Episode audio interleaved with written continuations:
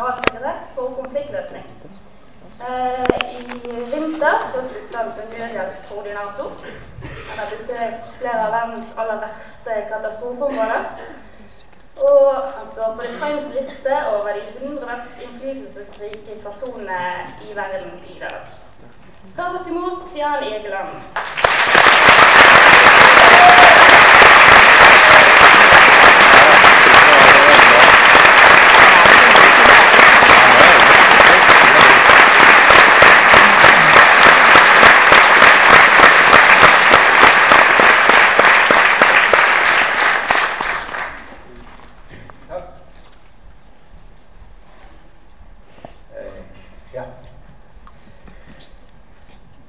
For eh, ufattelige 33 år siden så satt jeg der som 17-åring på besøk fra Stavanger katedralskole. Og over var en av de store debattene i studentersamfunnet. Satt med store øyne, livredd for å skulle ta ordet. Eh, og syntes det var en fantastisk opplevelse. Siden så kom jeg igjen som Amnesty International-aktivist, som eh, student på Blindern. Hadde mange flotte opplevelser i denne salen. Og veldig glad for å få lov å komme tilbake.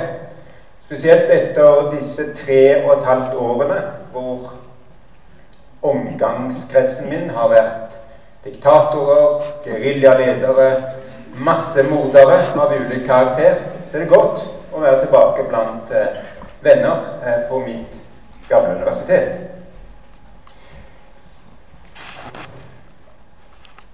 Alle generasjoner må stille seg følgende spørsmål. Blir verden bedre, eller blir den verre? Hva er vår rolle i å gjøre den bedre? Hva er vårt metodevalg? Hvordan kan vi gjøre mer for å forbedre verden? Og Så har eh, studenter før dere valgt ulike teknikker. Noen har, blitt, eh, har gjort eh, voldelig opprør. Noen har eh, gått i sultestreik. Noen har eh, pugget mer for å få bedre karakterer, for å gjøre en større innsats på arbeidsmarkedet. Men dere er ikke de første som stiller det spørsmål. Vi stiller oss da i dag. Blir verden bedre? Og tilleggsspørsmålet er er det mulig nå å ta et kvantesprang framover og jeg kommer til å svare ja på det etter hvert. For liksom et historisk oppgjør med krig og med sult. Jeg tror at eh, den generasjonen jeg nå er på slutten av, altså mitt generasjon, og den generasjonen flertallet av dere nå er på vei til å komme inn i, de som har makt og myndighet, kan, må bør og vil sette seg mer ambisiøse mål enn det min generasjon har gjort så langt. For det er to trekk som er helt dominerende. Og vi, vi så en del bilder her på veggen når vi kom inn. Så for det første er det det på sett som ikke vises. Verden blir bedre. For et stort flertall løftes gradvis fram. Tre og en halv av verdens seks milliarder innbyggere har nå brukbare økonomiske forhold. I Asia ble i løpet av de siste årene en kvart milliard mennesker løftet ut av absolutt fattigdom og inn i en stor middelklasse. Mens vi sitter hogges store mengder av store våpen opp, som gjør at kaldekrigstiden ja, er definitivt over. Det var et gjennomgangstema i denne salen i min tid på universitetet. Kaldekrigen, eh, mulige verdenskrig, mulige eh, nukleære holocaust osv. Men kanskje først og fremst så er vår tid kontrastenes tid. Og, på, og, og flippsiden av at store våpen hogges opp, slik at nordmennene får det tryggere, det er at flere og flere håndvåpen er i fritt eh, på, på, fri flyt over landegrenser i sør. Og derfor de konfliktene vi så på bildene bak oss når vi kom inn.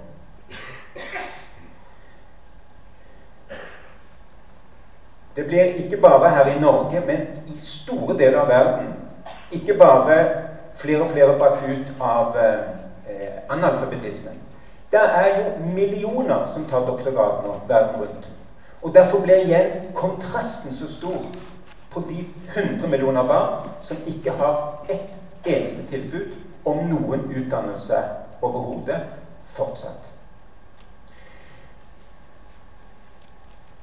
Men hvorfor er da allikevel konklusjonen at de går framover, gradvis framover? Jo, la oss ta et lite røntgenbilde. Og jeg så jeg, i min tid nå på, for FN, for Røde Kors og Amnesty International har jeg besøkt over 100 land. Så jeg har sett det verste og det beste av menneskeheten. I forhold til krig og fred så har det vært på mange måter en enestående framgangstid. I 1989 var det 50% flere kriger enn det er i dag. Bare på de tre siste år er det 15% færre kriger. Det er fortsatt mellom 50 og 60 eh, væpnede konflikter i verden.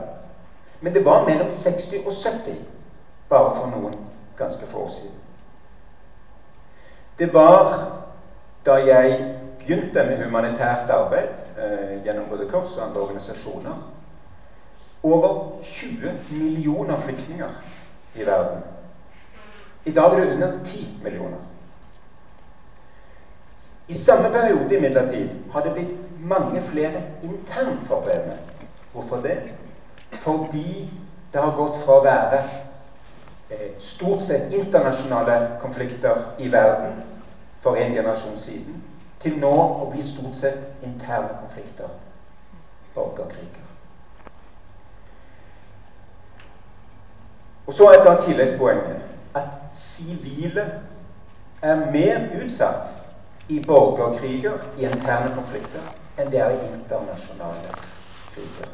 Så igjen kontrasten er voldsom. I 1989 var det ifølge forskere som har satt sammen uh, Human Security Report, som er det største og beste røntgenbildet vi har uh, i vår tid av verden på godt og vondt, verden krig og fred. De Forskerne sa at det var ti folkemord pågående i 1989, da muren falt. Uh, I år er det ett som de sier er Darfur. På 60-tallet for den del også på 70-tallet, da jeg begynte å, å, å jobbe for menneskerettigheter gjennom Amnesty International, så var det mellom 20 og 30 militærkupp hvert år. Jeg tror toppen var 1963, hvor det var ca. 30 militærkupp. I de tre siste årene har det vært mellom to og fire kupp. Så det er klart at det, det er ikke demokratienes krise. Det er diktatorenes krise vi nå lever i. Men så stanser på mange måter de gode nyhetene. For og La meg trekke med noen ting som er spesielt bekymringsverdige sett fra mitt ståsted som tidligere eh, ansvarlig i FN-systemet for humanitært arbeid og nødhjelp. Vi som hjelp, har vært hjelpearbeidere i mange år, ble ikke overrasket over den siste klimapanelets rapport. For vi hadde sett en tredobling av antallet naturkatastrofer fra 70-80-tallet til de fem siste år i snitt. En tredobling. Mye mer ekstremt eh, vær. Flere flommer, flere, mer tørke, eh, mer orkaner. Det kombinert med at mange flere fattige mennesker bor mer, mye mer utsatt, innebærer at i vår tid så spises framgangen på mindre konflikt mange ganger opp med mer naturkatastrofer. Syv ganger flere mennesker blir berørt av naturkatastrofer enn av krig i vår tid. Hundrevis av millioner hvert år berøres ved å få hele sitt levebrød ødelagt og klimaendringer. Forørkning, eh, eh, flom, orkaner. Også på, på krig- og konfliktområdet er det en meget foruroligende tendens. De gjenværende krigene er mer blodige målt i sivile liv og sivil lidelse enn det man hadde før. På mange måter er det blitt utrolig mye farligere å være sivil i krig enn å være soldat. Eh, tapstallene er ofte 9 til 1. 90% av de som blør og dør, er sivile. Og overvekten av kvinner og barn, som altså har, skulle i utgangspunktet hatt den største beskyttelsen. Og Da kunne jeg tenke meg kanskje gi eh, noen få eksempler fra det jeg opplevde de siste månedene av fjoråret på min eh, reise rundt omkring i verden på vegne av eh, generalsekretær Kofi Annan. Min aller siste tur rett før jul var til Darfur, Vest-Sudan. Vi dro til eh, leirene i, eh, utenfor eh, vi, vi, dro og eh, besøkte eh, Vest-Darfurs hovedstad, El Geneina, og skulle til leirene der. Eh, det ble forbudt av regimet. Jeg fikk ikke dra. Sikkerhetsfolkene våre sa også ikke dra. Det vil bli provokasjoner fra begge sider, ikke minst fra denne militsen som er regjeringsstøttet. Eh, og mange liv kan gå tapt. I mai i fjor, da jeg var i den største leiren som heter Kalma i Sør-Darfur, gjorde folk opprør mot regimet fordi jeg var der med TV-kameraene. Og det medførte eh, at til slutt at en kollega fra Den afrikanske unionen ble drept. Så for, for å ikke Eh, starte provokasjoner, så kom de til meg fra leirene. Ikke minst en gruppe kvinner.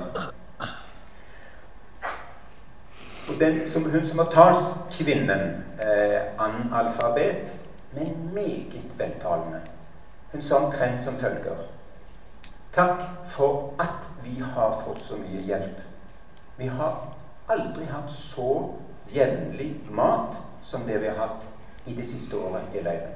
Vi har, har for første gang noensinne skole for våre barn. Vi har for første gang helseklinikk. Noen gang. Men fortell tilbake til verden at, at, vi har at vi overlever, men vi har intet liv. Akkurat de ordene brukte. Vi har intet liv. For hvis vi forlater leiren, blir vi voldtatt som kvinner. Hvis vi sender våre sønner ut av leiren, blir de kidnappet eller drept. Dere holder oss i live, takk, men dere gir oss intet liv, ingen beskyttelse. På mange måter er dette symptomatisk over noe av det som er galt i vår tid. Eh, vi skriver 2007. Men på mange måter lager vi de såkalte sikre sonene i Bosnia om igjen uten å ha lært av Srebrenica. Srebrenica fikk norske konvoier med mat, med medisiner, med hjelp. Hver dag, de. Og det hadde en liten gruppe FN-soldater som hadde ingen mulighet til å stå imot hordene som var utenfor. Det skjedde altså hver dag inntil eh, alle eh, i Srebrenica ble drept i løpet av halvannet døgn. La meg gi et annet eksempel. Kongo. På mange måter er Kongo en eh, triumf for FNs evne mot alle odds i å snu en totalt kaotisk situasjon til noe bedre. Jeg vet ikke hvor mange her som, ville, som vet eller ville, ville tro at Kongo er uten tvil den siste generasjonen, altså de siste 20 års eh, verste tap av menneskeliv. Fire millioner liv gikk tapt mellom 1998 og 2003. Fire millioner. Det er altså det er Norges befolkning. Nesten. Det skjedde uten at det var noe veldig stort eh, opprør i verden. Jeg vil jo håpe og tro at hvis hele Norges befolkning, alle vi som bodde i dette landet, eh, forgikk, forsvant, så ville verden reagere. Eh, jeg er helt overbevist om det. Men gjorde det i liten grad eh, som verdensopinion i tilfellet Kongo. Likevel ble det bedre, for det gjennom FN og gjennom Den europeiske union så var det en del land som sa vi må stanse det. Og så ble det sendt en, eh, en fredsbevarende styrke som begynte å avvæpne militser, og som begynte å forberede en nasjonsbyggingsprosess som endte med valg i uh, fjor. Og en meget omfattende hjelpearbeid som gjorde at av 3,6 millioner flyktninger i Kongo, 3,6 millioner internflyktninger fordrevne, kom to millioner hjem i løpet av de siste tre år. Så nå er det 1,6 millioner som man fortsatt skal hjelpe igjen. Eh, I Kongo står kanskje mer på spill enn noe annet sted, sted, i verden. For det kan bli totalt tilbakeslag. Men vi kan også gå eh, i, i, riktig retning. Og La meg igjen gi bare ett eksempel, hvis jeg får, av, av møte med sivilbefolkningen på, på, et sted få kommer. Jeg var på det eneste sykehuset i Øst-Kongo.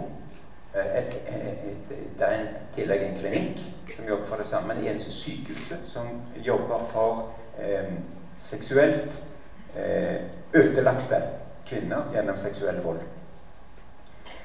Eh, Pansi-hospitalet. Der kom det to kvinner som skulle fortelle deres historie som en representativ historie. Det var 1200 kvinner på dette hospitalet. Den ene fortalte som følger. Jeg skulle lage eh, mat til min familie. Barna var på den lokale skolen. Min mann var ute på markene. Jeg gikk bak i skogholtet skulle sanke ved. Som vi gjør hver dag. Eh, fire soldater av den typen milits som flyktet fra Rwanda og folkemordet der i sin tid. Det var sannsynligvis altså ansvarlig for oss tilsvarende uhyrligheter i Rwanda. Fire soldater slår meg ned, drar meg av gårde, sier de vil drepe meg hvis jeg gjør anskrig. Så ble hun dratt til en gruppe på 40 militssoldater lenger inne i skogen. Og så sa lederen bind henne i den hytten, armer og bein, hvitt ut. Og så ble hun eh, voldtatt av alle 40 hver dag i tre uker. Hun var nesten død da, ble, eh, da disse flyktet. En regjeringssoldatgruppe kom. De så etnisk hvor hun kom fra, tok henne til den nærmeste landsbyen, som var hennes egen landsby. Og der ble hun utstøtt av sine egne. Så ille ødelagt var hun fysisk, og opplagt også eh, psykisk. Hadde hun ikke kommet til Pansi-hospitalet, hadde hun vært død. Jeg eh, tror at det altså, Midt inni Kongos håp voldsom framgang på veldig mange områder i, i, i, i Kongo. Eh, titusener er avvæpnet hundretusener begynner å gå på skole og sånt, så har man da en kreftsvulst som ingen har gjort noe med. Og det er volden mot kvinner. Skjer i hjemmene, skjer i lokalsamfunnet, og skjer først og fremst fortsatt uh, mellom uh, menn med våpen og kvinner som er forsvarsløse. Dette er, er, er ikke bare Kongos problem. Det er et voldsomt problem i nesten alle gjenværende kriger i vår tid. Det var et svært problem i Kosovo. Det er et økende problem i Irak. Enormt problem i Darfur. Voldsomt i, i, i Vest-Afrika. Eh, stort problem i Colombia, for å ta noen av, noen av. Og da er min utfordring det må bli ikke bare en kvinnesakskamp som er dramatisk, men også en mannskamp. Det må bli en menneskekamp. Og gjøre slutt mot denne volden mot kvinner. Som er liksom motstykket mot stor framgang på alle andre eh, eh, På de fleste andre områder tilknyttet krig og elendighet. Et eksempel til. Eller to. I Gaza,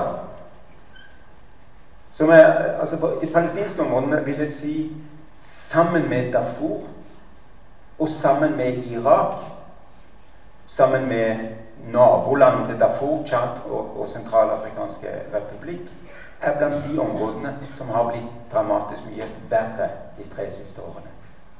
De aller fleste områder som jeg sa, har gått i riktig retning eh, i forhold til krig og fred.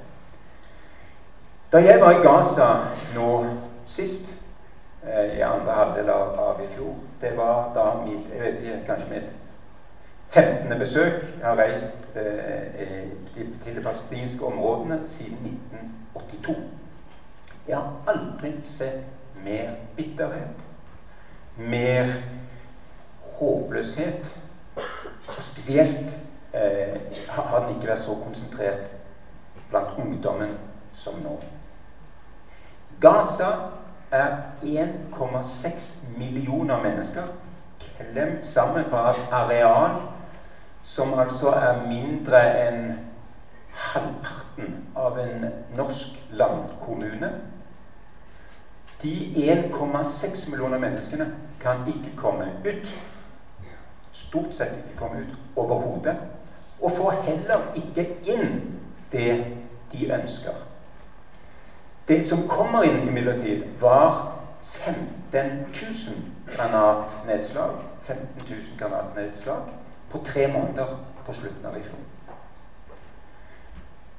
Ut gikk det da noen eh, palestinske raketter, håndfull hver natt, fra ekstreme palestinske grupper. Innkom det tusenvis av granater. Dette er eksempel på hvor ille det kan gå. Jeg var selv med på, som noen eh, kanskje vet, å, å organisere hele den norske kanalen, som ledet til Oslo-avtalen, som igjen var det største håp vi hadde mellom israelere og palestinere ja, noensinne. 1993. I dag er, stort sett alt borte fra håpene fra den gangen. Det må, må snus. Det som skjer nå, er at på begge sider så river man ned alle håp, alle illusjoner og all tro på at disse to folkene som bor tett, tett, tett sammen, vil kunne vil kunne bli naboer snarere enn fiender. Irak var siste av disse eksemplene jeg hadde tenkt å gi. Altså, Irak er i dag det land i verden som uten sammenligning har størst eh, eh, eh, størst antall mennesker som dør, dør pga. vold. Flere mennesker dør sannsynligvis fortsatt i Kongo av sykdommer, av uh, underernæring, av den typen ting som tar liv av barn pga. at det har vært krig så lenge. Men i Irak det har 100 personer Der våkner man stort sett opp til 100 døde mennesker hver dag eh, måned ut og måned inn. Jeg husker godt at jeg ble sendt eh, Jeg husker godt Da jeg var i Libanon på vegne av FNs generalsekretær midt under krigen og, og fordømte både eh, Israels eh, enorme bombing og Hezbollahs vanvittige raketter eh, inne i Israel. Og hele verden fokuserte på å få slutt på krigen. Vi hadde all oppmerksomhet rettet til støtte for FNs arbeid. Og vi klarte å få en slutt på denne vanvittige krigen etter fem uker. To millioner mennesker ble kastet på, flukt. To millioner mennesker vendte tilbake i løpet av de neste ukene. Eh, krigen stanset. Vi var alle opprørt over, over, det som skjedde. Jeg sa mange ganger selv i Sikkerhetsrådet, på CNN, BBC, Al Jazeera, alle, alle store kanaler, at det er noe fundamentalt galt i en krig hvor det er mange flere døde barn enn soldater. Eh, eh, 1050 sivile ble eh, døde. 1050 for mange. I samme måned, juli, ble 3500 mennesker eh, drept av vold i Irak. Altså tre ganger flere enn under samme måned vi hadde hele verden fokuserte på krigen i Libanon. Så ille, så ille har det blitt i Irak. Eh, eh, The Lancet, som er et av verdens mest prestisjetunge medisinertidsskrifter, publiserte etter mange runder, vitenskapelige runder med testing, en rapport som sa at 650 000 mennesker er døde i Irak etter 2003. På grunn av, altså av årsaker relatert til konflikten. Den undersøkelsen er, er, er da blitt eh, politisert, diskreditert osv. FN sto ikke bak den. Men jeg har lyst til å si at samme metodikken var den som alle var enige om USA, Storbritannia, alle var enige om var riktig da den ble brukt i Darfur eh, i Sudan. Og vi kom fram til et tall som vi siden har brukt 10 000 døde per måned i 2004. Og USA erklærte folkemord, genocide, i Darfur det året 2004. Og det var etter den rapporten. La meg, la prøve å, å, å, å starte en, en, oppsummering. Det jeg håper, er å få råd, eh, spørsmål, kommentarer, kritikk, eh, ting jeg kan ta med meg på mitt nå videre arbeid i, i FN. Så jeg ser frem til dialogen. Hva tror jeg må gjøres? Jeg vil gjerne høre hva dere tror må gjøres. Altså, jeg tror vi må tenke større. Tenke mer revolusjonært eh, i, å, i å møte de store, gjenværende problemene i verden. For vi, må, vi, trenger to revolusjoner, hvorav vi har fått den første. Den første revolusjonen det er enorm teknologisk framgang som vi kan bruke nå. Som aldri før. Altså, vi kan nå hvor som helst i verden som FNs humanitære avdeling innen 24 timer. Sette opp hjelpearbeid, og i løpet av uker få logistiske kjeder med hundrevis av lastebiler, massevis av fly, satellittelefoner osv.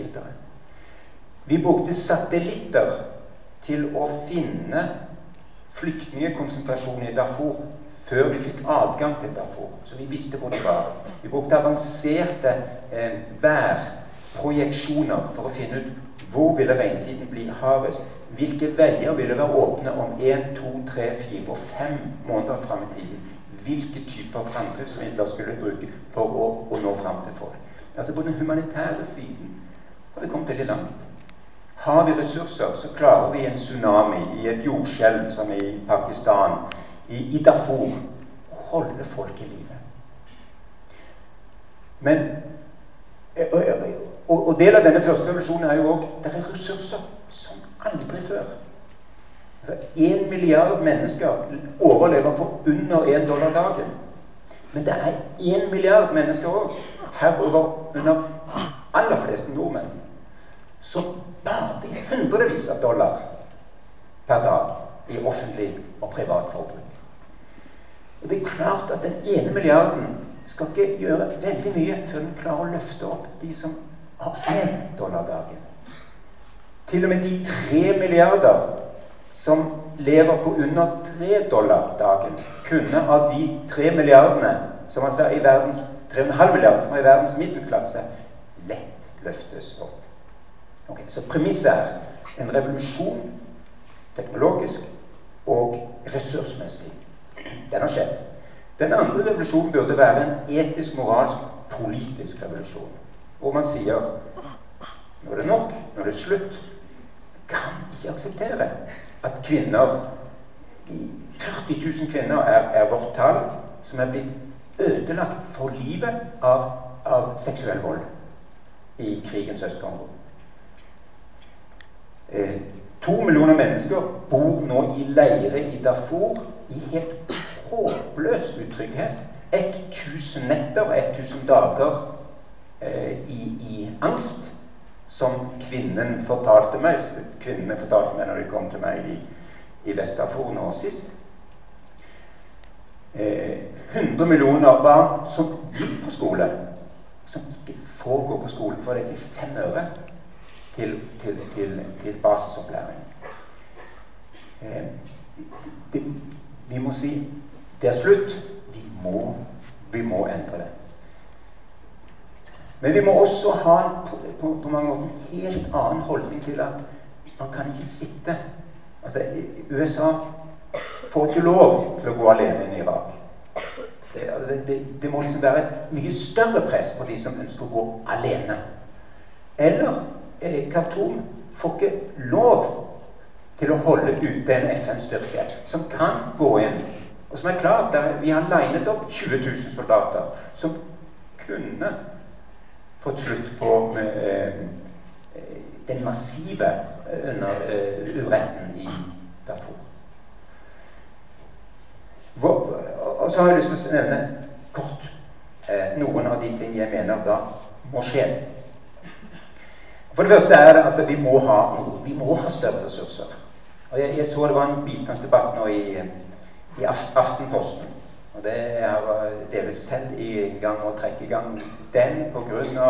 Eh, tydeligvis dårlig valg av gamle biler i en operasjon i sørlige Afrika for en del år siden. Jeg mener at det, ho, er ikke om dette prosjektet kanskje var det dårlig. Nå skal det granskes og granskes.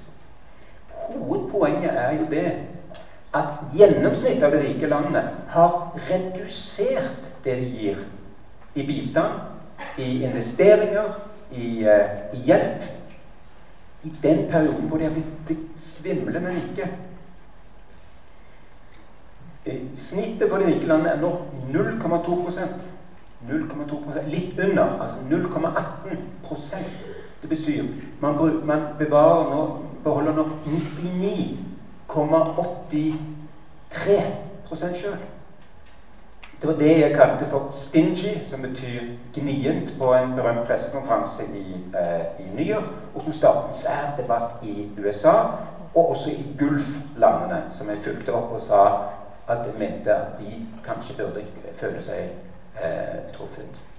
Men det er klart, altså nordmennene er jo da verdens beste for de bevarer, beholder bare 99,1 selv.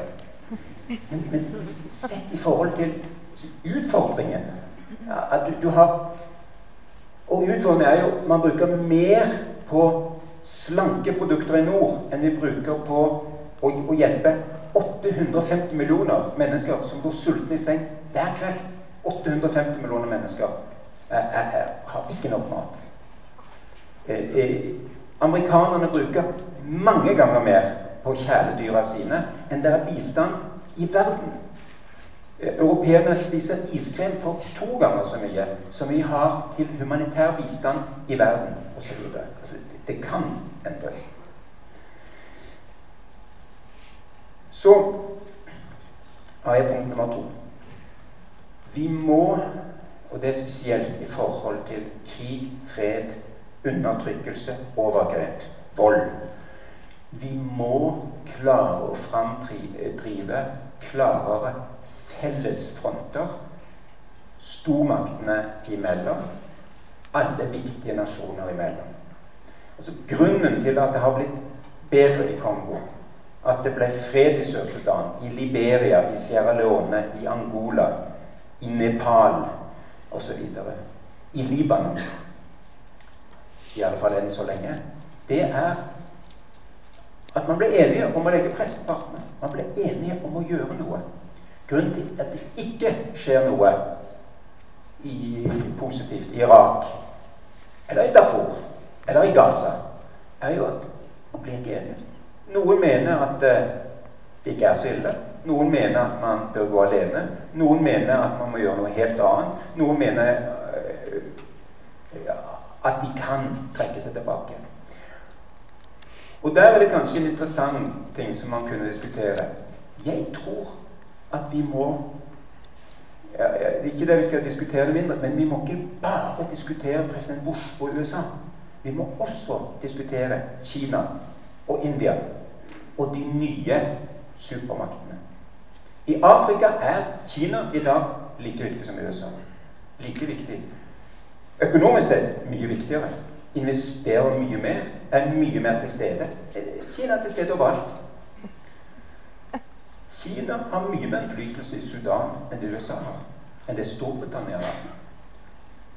USA og Storbritannia har på mange måter mistet legitimitet overfor brede lag av muslimer i Sudan, som er hoveddelen av befolkningen pga. Irak. Altså, Kina må ikke bare anerkjennes som en supermakt, men det må også ansvarliggjøres som et land som ikke kan stille gula den ene dagen, og så kjøpe opp eh, et halvt land den neste dagen. Eh, Kina eh, Jeg og andre prøvde og fikk faktisk en del suksess i å få Kina til å engasjere seg for den gode sak i Sudan. Men vi begynte nok for seint. Vi innså dette for seint. Etter hvert så sa jeg nei til å bli intervjuet av CNN og BBC og de vestlige mediene om Darfur. For, for det, de leverte ingenting. Det, de, de var Vesten kunne ikke hjelpe oss i Darfur. Jeg begynte å be om å, å, å få intervjuer med Sinoa, det kinesiske nyhetsmediet som har alltid svære oppslag i Kina, og, og sa da systematisk følgende President Bashir selv i Sudan sier selv at Kina er den viktigste økonomiske partner.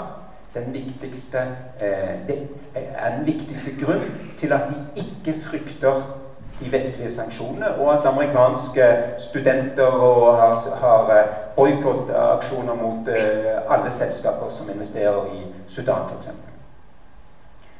Og da snur man og sier man Kina, hva er deres plan? Hva ønsker dere å gjøre? Vi er desperate.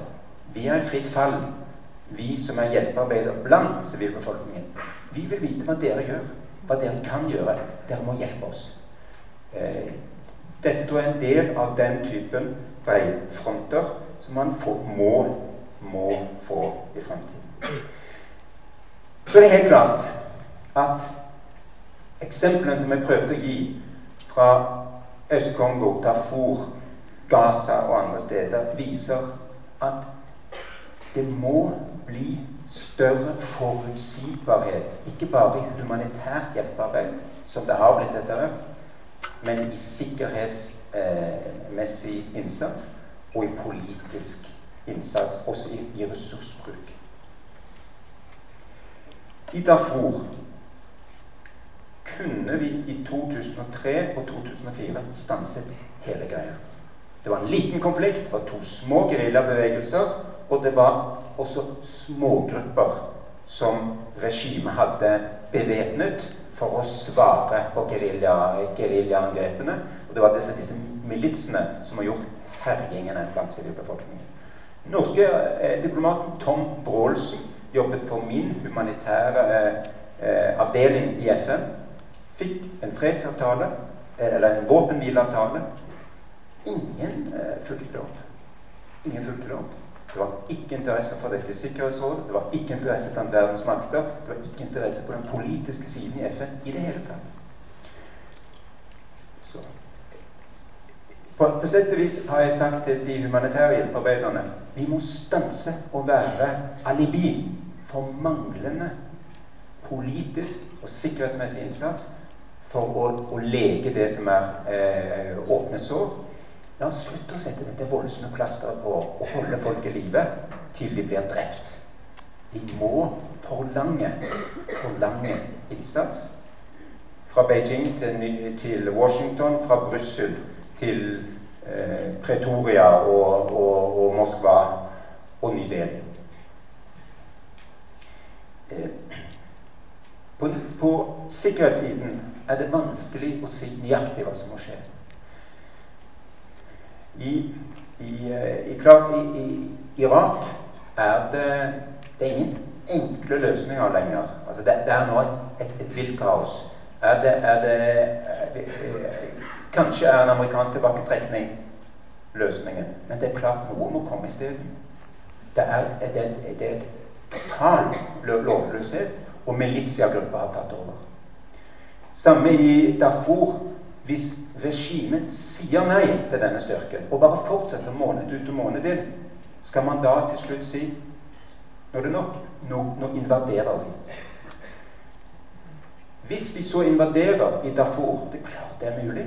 Man kunne ha en kombinasjon av vestlige styrker, fly, flystøtte osv. Og, og noen afrikanske, altså de svarte afrikanske land som ønsker å, å, å gå inn. Sannsynligvis ville man da få situasjoner, iallfall i deler av Darfur, som er nokså tilsvarende det vi har i deler av Afghanistan og Irak, med voldsom grad av vold og terror. Og fortsatt krig. Og en, en, en, politisering av det ved at det var helt opplagt at Vesten ville bli framstilt som å stå, stå, bak intervensjonen. Altså, det er ikke lette eh, problemstillinger.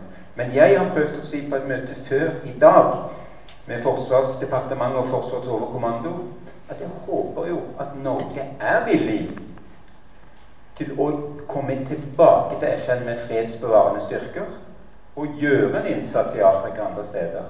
Det, det er ingenting nå fra Norge, Norges side. Det er afrikanske, asiatiske land som tar byrdene med å avvæpne eh, gale militsgrupper i Øst-Kongo osv.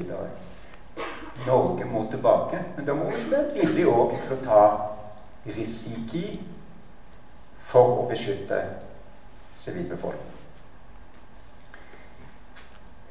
Jeg tror Da lar meg avslutte. Jeg tror at denne generasjonen kan gjøre det. Altså den generasjonen som nå tar over de neste 30 år, vil kunne gjøre helt enorme ting hvis vi setter mer ressurser og får større og bredere internasjonal enighet. Da må man snakke sannheten. Forlange handling. Være uredde. Eh, det var en sensasjonell ting det man gjorde i forrige generasjon, med å gå fra å gjøre ingenting for internasjonal solidaritet og medmenneskelighet. Altså det, eh, Fridtjof Nansen gjorde de, de, første store operasjoner i 1920-årene. Det var egentlig ingenting før da. Eh, det man gjorde, var rene vel, eh, veldedighetshandlinger lokalt. Og så gjorde man strategiske eh, egeninteressehandlinger eh, eksternt. Så det er klart man har tatt det første skrittet. Det skjer positive ting. Flere land i Afrika har fått fred de siste årene enn det har gått ut ny krig. Men det nye spranget er jo å gjøre og, og si hør her, vi skal ha en plan for alle de resterende 50 konfliktene. Og vi skal ha en plan for de 875 millionene som går sultne til sengs. Et, helt over, overkommelig antall mennesker å gi mat. Eh, det, er en ren investering. Og det er en ren investering å få 100 millioner barn som ikke får noen tilbud om, om, om, om, om skolegang, få skole. Og da er spørsmålet kan vi diskutere hvordan man setter seg et slikt ambisiøst mål, og hvordan man gjennomfører det. Takk for oppmerksomheten så langt.